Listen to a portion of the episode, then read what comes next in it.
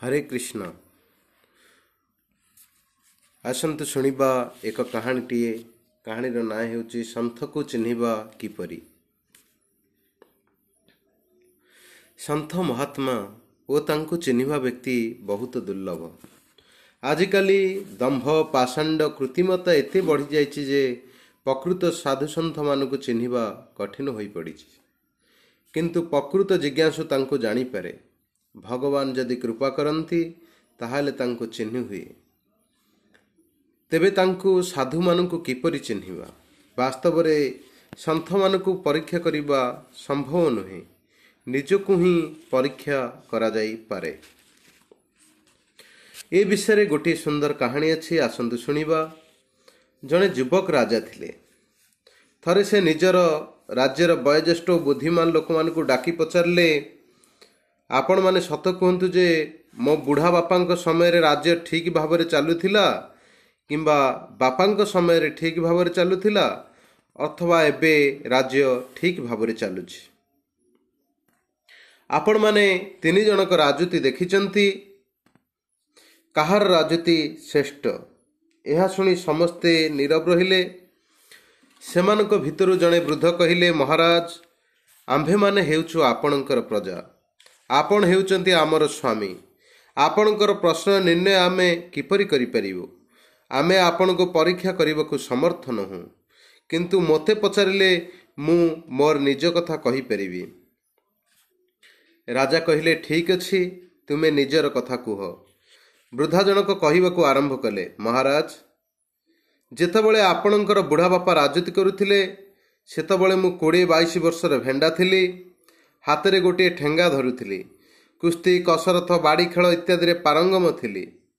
ଦିନେ ବାଟରେ ଯାଉ ଯାଉ ମୁଁ କୌଣସି ଜଙ୍ଗଲରେ କେହି ଜଣେ କାନ୍ଦୁଥିବାର ଶୁଣିଲି। ଶବ୍ଦରୁ ଜଣାପଡ଼ିଲା ଯେ ଜଣେ ସ୍ତ୍ରୀ ଲୋକ କାନ୍ଦୁଛି। କାରଣ ସ୍ତ୍ରୀ ଲୋକର ସ୍ୱର ପ୍ରାୟ କୋମଳ। ମୁଁ ସେ ଆଡ଼କୁ ଯାଇ ଦେଖିଲି ଯେ ସୁନ୍ଦର ବସ୍ତ୍ର ଆଭୂଷଣ ପିନ୍ଧିଥିବା ଜଣେ ସ୍ତ୍ରୀ ଲୋକ କାନ୍ଦୁଛି। ମୁଁ ପଚାରିଲି ତୁମେ କାନ୍ଦୁଛ କାହିଁକି? ସେ ମୋତେ ଦେଖି ଡରିଗଲେ। ତାକୁ ଆଶ୍ୱାସନ ଦେଇ କହିଲେ ରେ ମା ଡରିବାର କିଛି କାରଣ ନାହିଁ। କ'ଣ ହୋଇଛି କୁହ ସେ ମୋତେ କହିଲା ମୁଁ ମୋ ସମ୍ପର୍କୀୟମାନଙ୍କ ସହିତ ବାପ ଘରୁ ଶାଶୁ ଘରକୁ ଯାଉଥିଲି। ରାସ୍ତାରେ ଡାକୁ ଘେରିଗଲେ ଏବଂ ଧସ୍ତାଧସ୍ତି ଆରମ୍ଭ ହୋଇଗଲା। ମୁଁ ଭୟରେ ଜଙ୍ଗଲରୁ ପଳାଇ ଆସିଛି। ମୋତେ ଜଣା ନାହିଁ ଯେ ସେମାନଙ୍କର ଅବସ୍ଥା କ'ଣ ହେଲା। ଏବେ ମୁଁ କୁଆଡ଼େ ଯିବି କ'ଣ କରିବି? ଶାଶୁଘର କୁଆଡ଼େ ବାପ ଘର କୁଆଡ଼େ ତାହା ମୋତେ ଜଣା ନାହିଁ। ମୁଁ ସେଇ ସ୍ତ୍ରୀ ଲୋକଙ୍କୁ ତା ଶାଶୁଘର କେଉଁ ଗାଁ ପଚାରିବାରୁ ସେ ଗାଁ ନାଁ କହିଲା।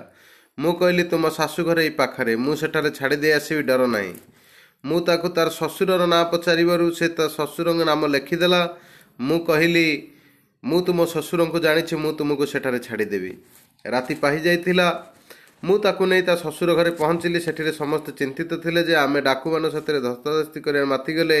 ବୋଧହୁଏ ସେମାନେ ଆମ ବୋହୂକୁ ମାରି ଦେଇଥିବେ। ସେ ବହୁତ ମୂଲ୍ୟବାନ ଗହଣା ପିନ୍ଧିଥିଲା ସେଗୁଡ଼ିକୁ ବୋଧେ ଛଡ଼ାଇ ନେଇଥିବେ। ତେବେ ତାକୁ ପାଇବା କିପରି ଇତ୍ୟାଦି? ସେହିପରି ସମୟରେ ନିଜର ବୋହୂକୁ ଦେଖି ସେମାନେ ଅତିଶୟ ଖୁସି ହେଲେ। ସେହି ସ୍ତ୍ରୀ ଲୋକ ଜଣଙ୍କ ଘରର ଅନ୍ୟ ସଦସ୍ୟମାନଙ୍କୁ କହିଲା ଏ ମୋତେ ବାପା ପରି ଆଦର ଓ ସ୍ନେହର ସହ ଏଠାରେ ପହଞ୍ଚାଇ ଦେଲେ। ଘର ଲୋକ ବାଧ୍ୟ କରି ମୋତେ ଚାରି ପାଞ୍ଚ ଶହ ଟଙ୍କା ଦେଉଥିଲେ କିନ୍ତୁ ମୁଁ କହିଲି ମୁଁ ଏ ଟଙ୍କା ପାଇଁ କାମ କରିନାହିଁ ମଜୁରୀ କରିନାହିଁ। ମୁଁ ମୋର କର୍ତ୍ତବ୍ୟ ମନେ କରି ଏ କାମ କରିଛି। ସେ ବହୁତ ବାଧ୍ୟ କରୁଥିଲେ କିନ୍ତୁ ମୁଁ କିଛି ନ ନେଇ ସେଠାରୁ ବିଦାୟ ନେଲି।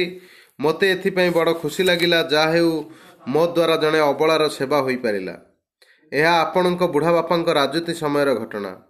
ଦୀର୍ଘ ବର୍ଷ ବିତିଯିବା ପରେ ମୋର ବ୍ୟବସାୟରେ କ୍ଷତି ହୋଇଗଲା ଏବଂ ମୋ ପାଖରେ ମଧ୍ୟ ଟଙ୍କା ପଇସା ନଥାଏ। ସେତେବେଳେ ମୋ ମନରେ ବିଚାର ଆସିଲା ଯେ ମୁଁ ସେଇ ସ୍ତ୍ରୀ ଲୋକଠୁ ଛାଡ଼ିଦେଇ ବଡ଼ ଭୁଲ କଲି। ଗୋଟିଏ ଚାପୁଡ଼ା ଦେଇଥିଲେ ଦଶ ପନ୍ଦର ହଜାର ଟଙ୍କାର ଗହଣା ମିଳିଯାଇଥାନ୍ତା।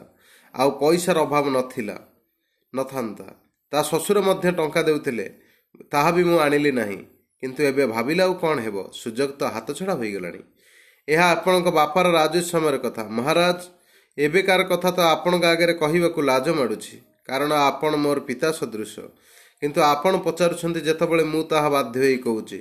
ଏବେ ମୋ ମନର ଭାବନା ଆସୁଛି ଯେ ସେଇ ଲୋକଟାକୁ ସେଇ ସ୍ତ୍ରୀ ଲୋକଟାକୁ ଡରାଇ ଧମକାଇ ଅଥା ବୁଝାଇ ସୁଝାଇ ଯଦି ମୋର ମୁଁ ମୋର ସ୍ତ୍ରୀ କରି ରଖିଥାନ୍ତି ତେବେ ଗହଣା ବି ମିଳିଯାଇଥାନ୍ତା ଏବଂ ଆଜିର ବୃଦ୍ଧ ଅବସ୍ଥାରେ ପତ୍ନୀ ହିସାବରେ ସେ ମୋର ସେବା ମଧ୍ୟ କରିଥାନ୍ତା।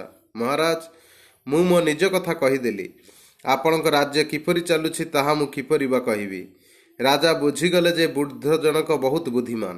ନିଜ କଥା କହି ଦର୍ଶାଇ ଦେଲା ଯେ ରାଜା କିପରି।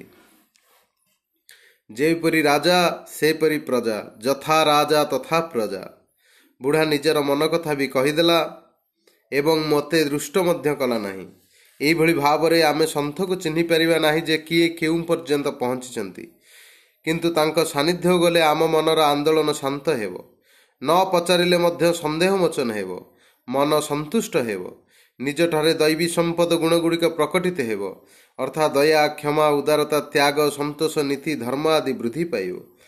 ଦୁର୍ଗୁଣ ଆଉ ଦୁରାଚାର କମିଯିବ। ଯେଉଁ ମହାପୁରୁଷଙ୍କର ସାନ୍ନିଧ୍ୟ ଅଥବା ଦର୍ଶନରୁ ଏପରି ବିଶେଷତ୍ୱ ଆସେ ସେ ଆମ ପାଇଁ ପୂଜ୍ୟ। ଗଙ୍ଗାର ପରଶ ହଇଲେ ପଶ୍ଚାତେ ପାବନ ଦର୍ଶନେ ପବିତ୍ର କର ଏଇ ତମାର ଗୁଣ। ଏତଦ୍ ବ୍ୟତୀତ ଆମେ ଗରିବ ହୋଇଥାଉ ବା ଧନୀ ହୋଇଥାଉ ଯାହା ମନରେ ଆମଠାରୁ କୌଣସି ସ୍ୱାର୍ଥ ହାସଲ କରିବାର ଭାବନା ନଥାଏ ଧନୀ ଗରିବ ପ୍ରତି ଯେ ଆଦର ବା ଅନାଦର କରନ୍ତି ନାହିଁ କାହାଠାରୁ କୌଣସି ସ୍ୱାର୍ଥ ସିଦ୍ଧ କରିବାକୁ ଚାହାନ୍ତି ନାହିଁ ତାଙ୍କୁ ଜ୍ଞାନ ଯୋଗ ଭକ୍ତି ଯୋଗ କର୍ମ ଯୋଗ ଆଦି ବିଷୟରେ ପଚରାଗଲେ ସେ ତାହାଠାରୁ ଉଚ୍ଚ ସ୍ତରର କଥା କହିଦିଅନ୍ତି। ଆମର ଦୃଷ୍ଟିରେ ସଗୁଣ ନିର୍ଗୁଣ ସାକାର ନିରାକାର ତତ୍ତ୍ୱକୁ ଜାଣିଥିବା ବ୍ୟକ୍ତି ତାଙ୍କଠାରୁ ଭଳି ଅନ୍ୟ କେହି ନଥାନ୍ତି। ଏପରି ମହାତ୍ମାଙ୍କର ବା ମହତ୍ ପୁରୁଷଙ୍କର ସାନ୍ନିଧ୍ୟ ପ୍ରାପ୍ତ ହେଲେ ମଣିଷ ଜୀବନର ବହୁତ ଉନ୍ନତି ଲାଭ ହୋଇଥାଏ। ଧନ୍ୟବାଦ। ହରେ କୃଷ୍ଣ।